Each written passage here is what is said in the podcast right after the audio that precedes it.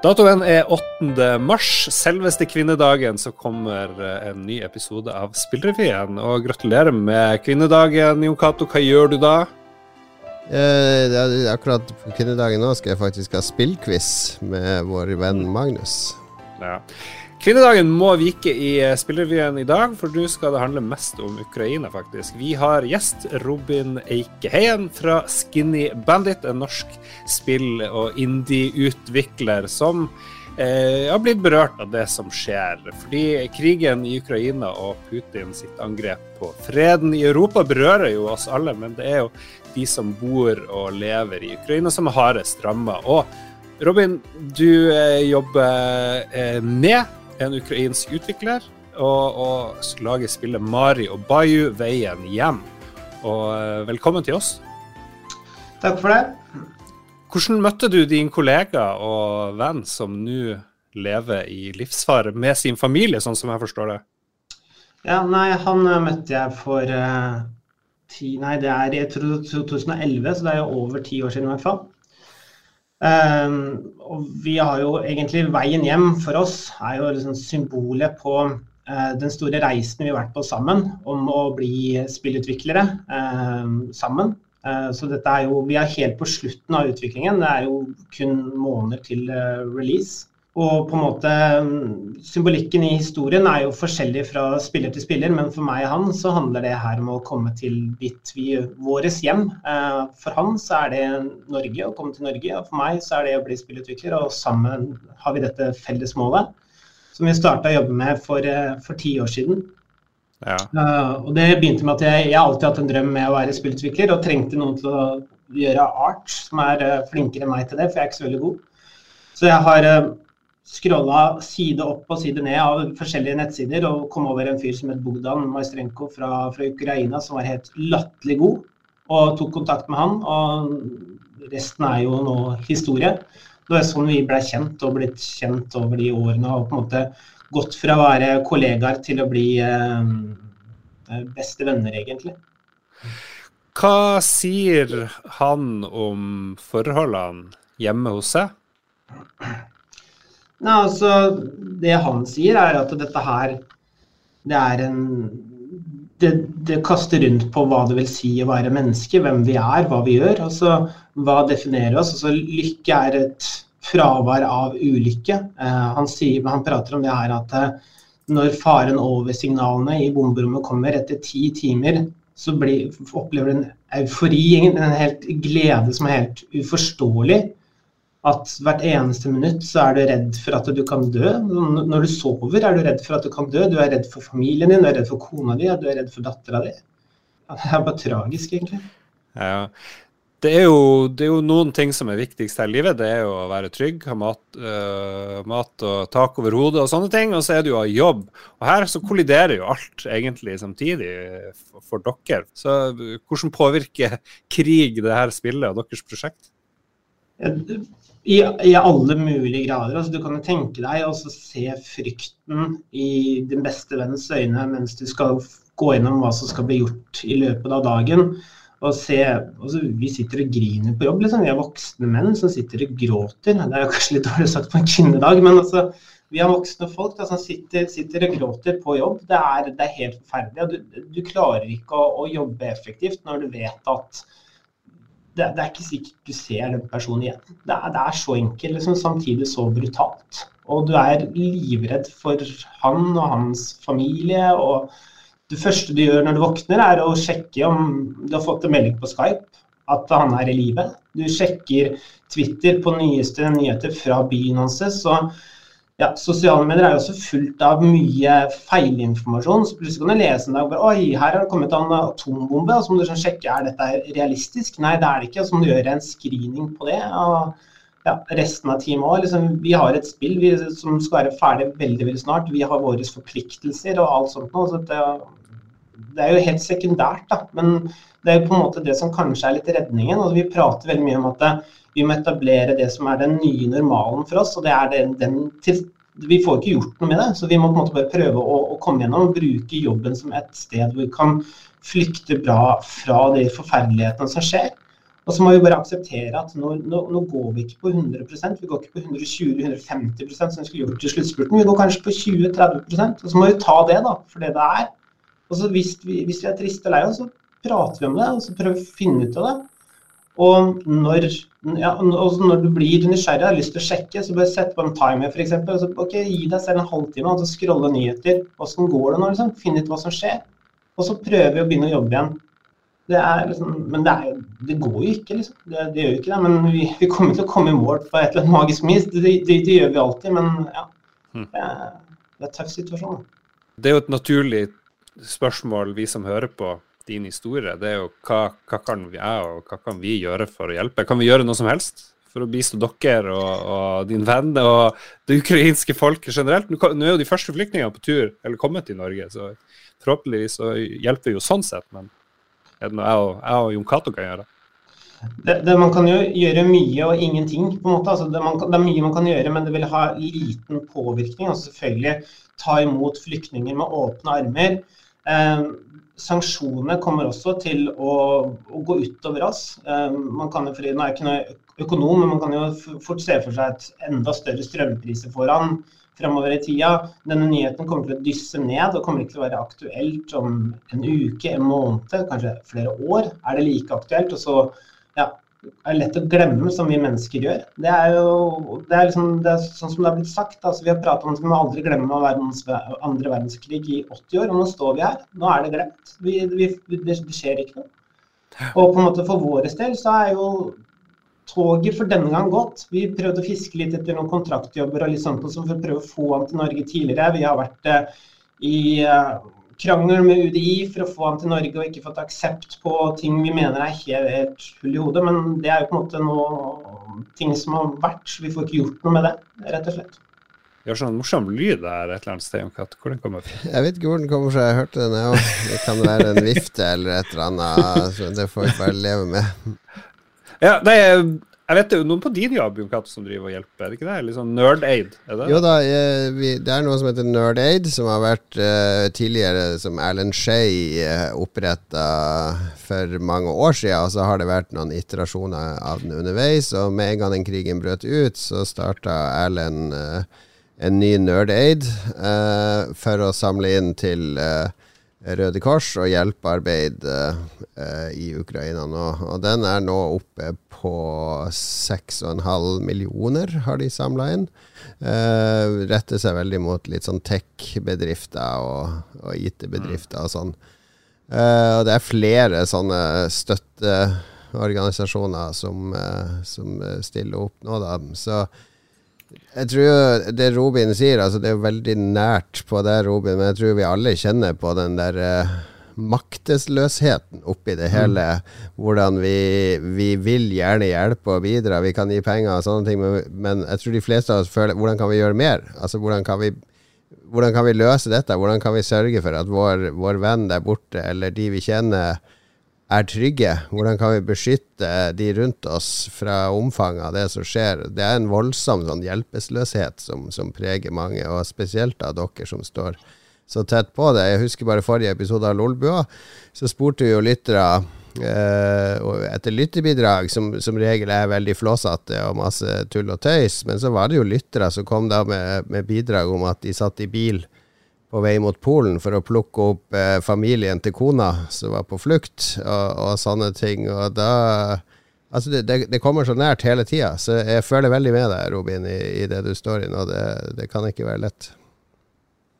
Nei, også hvis vi skal gå litt tilbake på hva vi faktisk kan gjøre, da blir det jo veldig personlig for min del. Da. Men også, jeg tenker jo at dette mye av løsningen sitter faktisk hos det russiske folk. Å få de til å innse hva som foregår i verden. Og, og det er jo trist å si det, men det er jo, det er ikke de, de har jo ikke noe skyld i det. Men de sitter med en del av løsningen. Så dette med sanksjoner og alt sånt nå, hvis dette blir noe som varer lenge, og, og som, som, vi kanskje skal prate litt om senere, om på en måte prøve å påvirke bransjen vår til å få de som f.eks. spiller dataspill, se at dette her er ikke greit. Dette, det, det, hva er det som faktisk foregår? Prøve å åpne øynene. så at Hvis de ikke kommer inn på jeg vet ikke, Fortnite, så skjønner de kanskje og begynner å google hvorfor funker ikke Fortnite i Russland. og Så oi, det her, det er det som skjer.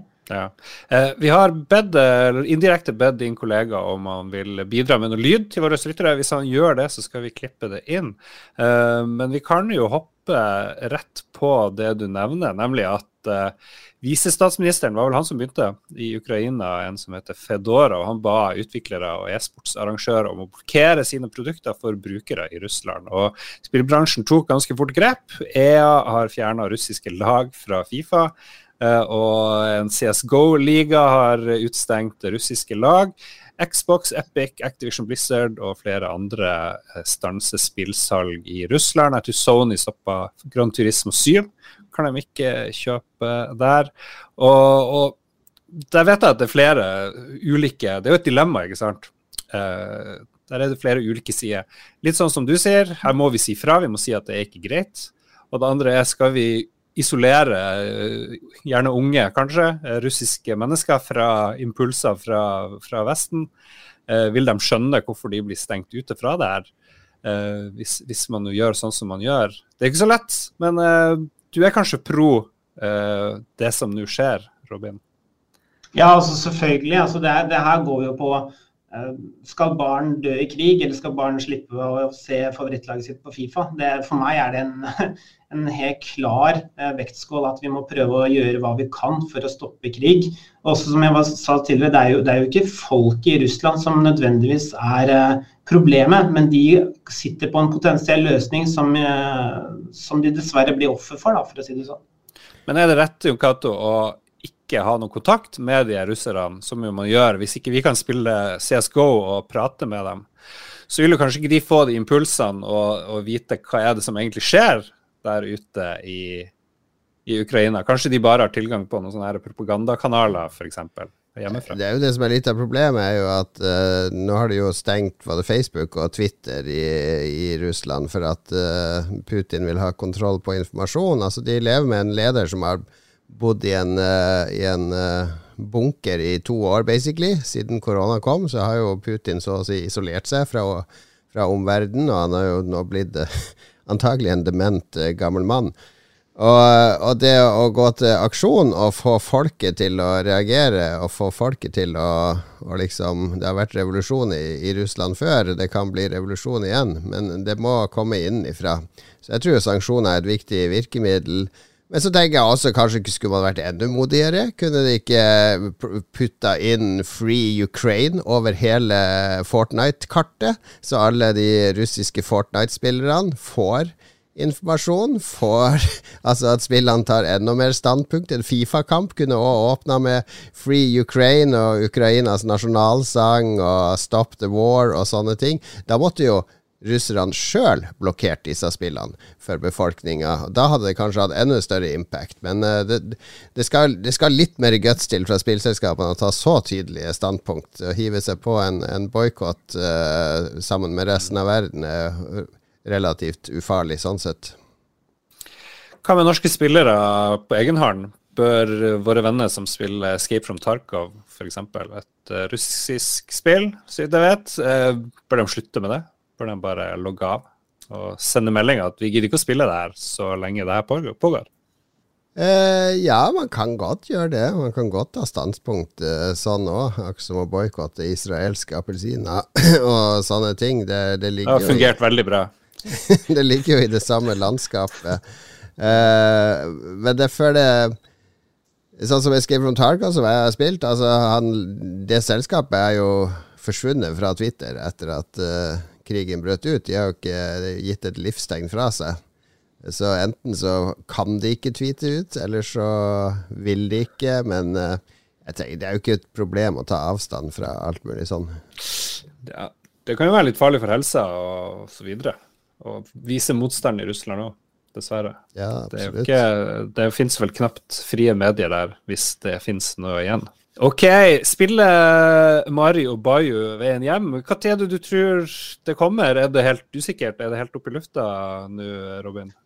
Vi har jo noen uh, sluttdatoer som vi uh, har internt, men vi får ikke lov til å gå ut med, med publisher. Um, og så skal vi jo gjennom noen QR og litt sånt nå, så det er ikke spikra i stein. Det, det ja. Men arbeidet fortsetter selv om det er vanskelig? Hvis man skal ha på seg jobbhatten, så er det jo, kan man jo si at det er Guds lykke at hans scope er så å si ferdig. Det er jo mindre poleringsarbeid som han faktisk gjør mellom han går i bomberommene. Det, det, er helt sjukt. Eh, og er ikke, vi er ikke 100 avhengig av det, så vi kommer i mål sånn sett. Men ja, med tid og alt sånt noe Som sagt, det er jo utrolig vanskelig å sitte og gjøre noe så trivielt som å lage et underholdningsprodukt i den situasjonen vi er i. Alright. Vi gleder oss til å prøve Mario Bayo. Det er jo et uh, plattformspill. Minte meg litt om Unravel, kanskje. Det er så uh, traileren. Veldig koselig, veldig fin stemning og, og god musikk og, og ja. Plattforming med følelser, kan man kanskje si. ja, I denne kontekst må vi også si at det er jo helt amazing art. og Det er jo Bogdan fra Ukraina som har gjort absolutt all art i hele det spillet. Og for de av dere som kommer til å spille det, det er jo helt magisk stemning som han har skapt. Som uh, reflekterer en, en, fin personlighet uh, også, må jeg si. Vi ønsker all uh, mulig hell og lykke til Bogdan og familien hans og selskapet ditt, Robin. Du blir ikke med oss videre. Vi sier tusen takk til deg. Vi går videre. Norsk Filminstitutt har delt ut 18,4 millioner kroner til seks nye dataspill Perfectly Paranormal, som tok hjem fire priser på fjorårets spillprisen, som vi delte ut, Jon Cato, har ja. fått 1,7 millioner til The Holy Gosh Darn, et uh, nytt humoristisk spill fra Hamar-gjengen. Red Thread Games de får hele fem millioner til Dustborn, et futuristisk roadtrip-spill, mens Skate City-gjengen i Agens de fortsetter med skateboard og får 1,7 mill. til et nytt skatespill kalt Nabolag.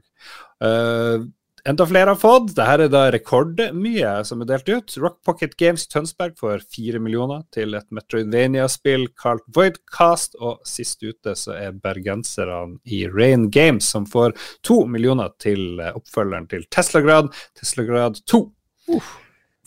Er du helt lamslått? Jeg blir helt lamslått. Ja. Hvor, hvordan var det da du begynte å jobbe i spillbransjen? Husker du hva man fikk eh, når den støtteordninga kom, så var det vel ti millioner i året som skulle deles ut i tre runder. Så da var det mm. snakk om 100 000 beløp. Kanskje én mil til noen få utvalgte. Ja, og nå er det 54 er det til sammen? Ja, det er blitt mer, og så har de åpna hvor mye du kan få. De har heva det, ikke sant? Fordi før å få én million i støtte, eller to millioner i støtte hvis du er et team med 20 ansatte, det var ikke så lenge, ikke sant? Så eh, tanken er vel at flere av de nye som trenger mindre penger, kan lene seg på de regionale, og så kan man åpne for litt større tilskudd til de mer etablerte. Og det ser vi her. Alle de seks som har fått midler nå, er jo veteraner i eh, ja. spillbransjen. Hva er det for noe? Er det, er det, ingen andre som søker etter midler, eller hva som skjer? Det er nok mange andre som søker, og jeg er ikke jeg har ikke lest vurderinga, men jeg tviler på at de sier så mye i vurderinga om det. Vi vet jo ikke hvem som ikke har fått ikke sant? Vi, Nei, litt, det. vi kan jo finne ut av det. Vi kan jo be om innsyn i, i alle som søkte. Ja. Uh, alle sine søknader. Men vi har uh, tross alt uh, mer enn heldagsjobber begge to, Lars, så det begrenser ja. hva vi orker. For Får ikke du støtte, var du en av de som ikke fikk, og som syns at her går innovasjon, nyetableringer uh, for lut og kaldt vann pga. sånne gamle veteraner, må du gjerne si fra. Vi står klar. Jeg tror jo ikke det, men det handler jo også om at uh, det ser jo Altså, alle disse prosjektene ser jo ganske spennende ut òg, da. Og de ser Altså, vi har jo et humorspill fra Osan og gjengen. Vi har En oppfølger? Hm? en oppfølger av et slag? ja, si? altså de, de, spillene som Osan og, og, og, de folka lager, har jo litt sånn samme rød tråd i seg. Uh, ja. Dustborn er jo et superambisiøst spill fra Red Fred. Et spill der uh, så du er musikere, det er en roadtrip, det er et fremtids-USA. Det er en sånn dystopisk fremtid som nok er litt sånn prega av de sosiale bevegelsene som har vært i samfunnet de siste årene, med Black Lives Matter og social injustice og, og sånne ting. Du skal bruke ord. Ord kan bli magi, du kan bekjempe fiender og sånne ting. Sånn som jeg har forstått det. Så det er et kjempespennende prosjekt. Agens Skate City har jo vært en av de store, virkelig store norske spillsuksessene. En stayer på uh, Apple Arcade. Uh, det er en oppfølger? Jeg synes jo oppfølgeren ser jo litt ut som den er litt mer sånn 3D Altså ikke uh, at du beveger deg i tre dimensjoner, hvis vi skal bestemme ut av skjermbildet, men det kan vi sikkert Vi kan sikkert presse noe mer ut av de på spillprisen. Nei, men jeg gleder meg. Det, ser, det er mye, mye solid her på vei. Så eh, eh, Og det var jæklig mye penger. Er det sånn at man kan leve av støtteordningene? Det, her trenger man, man skal jo ikke kunne leve av støtteordningene, for det er vel fortsatt sånn at uh, de kan støtte opp til 70% av utviklinga eller noe sånt, så noe egenfinansiering må du finne et eller annet sted. Men det er såpass store beløp nå at jeg eh, kan jo, si, kan jo tolke det dit hen at det er ganske viktig med disse støtteordningene. Altså Hvis Red Fred ikke hadde fått fem millioner til Dustborn, så det er fem millioner som er borte fra lønnsbudsjettet deres. Det hadde jo muligens fått konsekvenser med nedskjæringer og permitteringer og sånne ting. Så når, når prosjektene blir store og støttebeløpene blir store, så er det også mer på spill. Vi hopper til siste nytt. Viktor Sotberg er Norges mest populære YouTuber og innholdsskaper for barn via NRK-serien FlippKlipp. Kunngjorde tidligere i år at han slutter i NRK for å jobbe med nye prosjekter, og et av dem er i et uh, nytt intervju med VG, en tegneseriebok som heter Edelmot. Og uh, Viktor skal skrive historien, mens Odin Helgeheim skal tegne. Og handlinga er jo det som gjør at uh, spesielt du beit merke til det her, Jokato. En ung gutt som finner styrke via dataspill. Og det her skal være inspirert av Victor sin egen oppvekst, der han opplevde mye mobbing og fant hjelp i dataspillene. Ja. Det er koselig. Det er koselig. altså Jeg syns det er litt viktig òg, fordi du som ikke har egne barn, eh, du har ikke noe sånn forhold til Viktor Sotberg, men alle vi som har barn eh, mellom 14 og, og 8, vi vet ganske godt hvem eh, Viktor er. Eh, han, eh, han er superpositiv eh, influenser overfor barn. Og som fremsnakker gaming, som lager gaming til noe positivt og gøy. Han har spilt masse spill på eh, NRK sine kanaler og gjør morsomme ting rundt det. Han er su en superhelt for barn. Jeg husker mm. sønnen til en venn av meg hadde jo funnet ut at han var bifil i en alder av ti år, for det var Viktor. Ikke sant? Det så, så, så sterkt forbilde er han. Hva ja. betyr bifil? spurte faren. Nei, det visste han ikke, men Viktor var det. Det var det viktigste. Han skulle også være bifil. så, så, han er super Altså, han er alltid positiv, alltid blid, alltid tilgjengelig for barna. Så at, uh, jeg er veldig glad for at vi har hatt FlippKlipp og Victor som et godt gamingforbilde for barn, rett og slett. Mm. Og når han nå skal lage tegneseriebok, så syns jeg det er helt superkult, fordi tematikken er eh, Det virker som det skal handle om en ung gutt som eh, kanskje blir plaga, og som finner styrke og hjelp i dataspillene. Eh, ja. Og det er en positiv bruk av dataspill, for det er ikke så mange år siden vi hadde en veldig sånn frykt for denne spillavhengigheten og dataspillavhengigheten. Det, det er fortsatt uh, frykt for det. Men da husker jeg det var en historie om en ung gutt. Uh, han var på en måte frontfigur for uh, hvor farlig, hvor avhengig man kunne bli av dataspill. Han ble så mobba på skolen Altså, de, de, knuste tennene hans med grus. De, han ble konstant mobba og flykta inn i dataspillene, og ble så, da dataspillavhengig som en konsekvens av det. Eh, som kanskje kan ha med at han var utsatt for psykisk terror i en årrekke på en mm. skole der ingen voksne eller lærere tok tak i, i, i tingene og fikk eh, hjulpet han. Så jeg ser at den historien er nå snudd litt, hvordan dataspill kan kan være en hjelp og en støtte når man har det vanskelig. Det syns jeg er en historie som er verdt å fortelle, så jeg heier på Viktor som skal fortelle denne historien. Viktor får siste ord eh, omtrent i spillrevyen denne uka her, for det kommer faktisk ingen spesielt interessante spill denne uka her. Jeg kjekk på plakaten her. Det er ikke noe særlig denne uka her, altså. Jeg kan dra frem et bitte lite spill, bare fordi jeg føler at det har blitt litt sånn ignorert i alle de andre. Det er nemlig et som heter uh, Triangle Strategy, som er fra Square Enix til Nintendo Switch. Det er basically en sånn fortsettelse av Final Fantasy Tactics, for de som husker den serien. Veldig dialogtungt, men veldig sjarmerende. Jeg er fem timer inn i det spillet allerede. All right, kom 4. mars. Da sier vi takk til, eh, til oss sjøl. Vi sier takk til kvinner som hører på det og bidrar i norsk og, og internasjonal spillbransje og spillkultur. Takk for eh, god innsats. Må alle våre kjønn, eh, uansett hva de er, være likestilt. Og så må vi si takk til Pressfire. Ja, og så må vi ikke minst si takk til Robin som stilte inn for å fortelle ja. sin historie uh, om uh, spillet sitt og utviklinga, og, og, hvordan det er å, å, jobbe med en utvikler i Ukraina akkurat nå. Vi er tilbake om en uke. Ha det bra.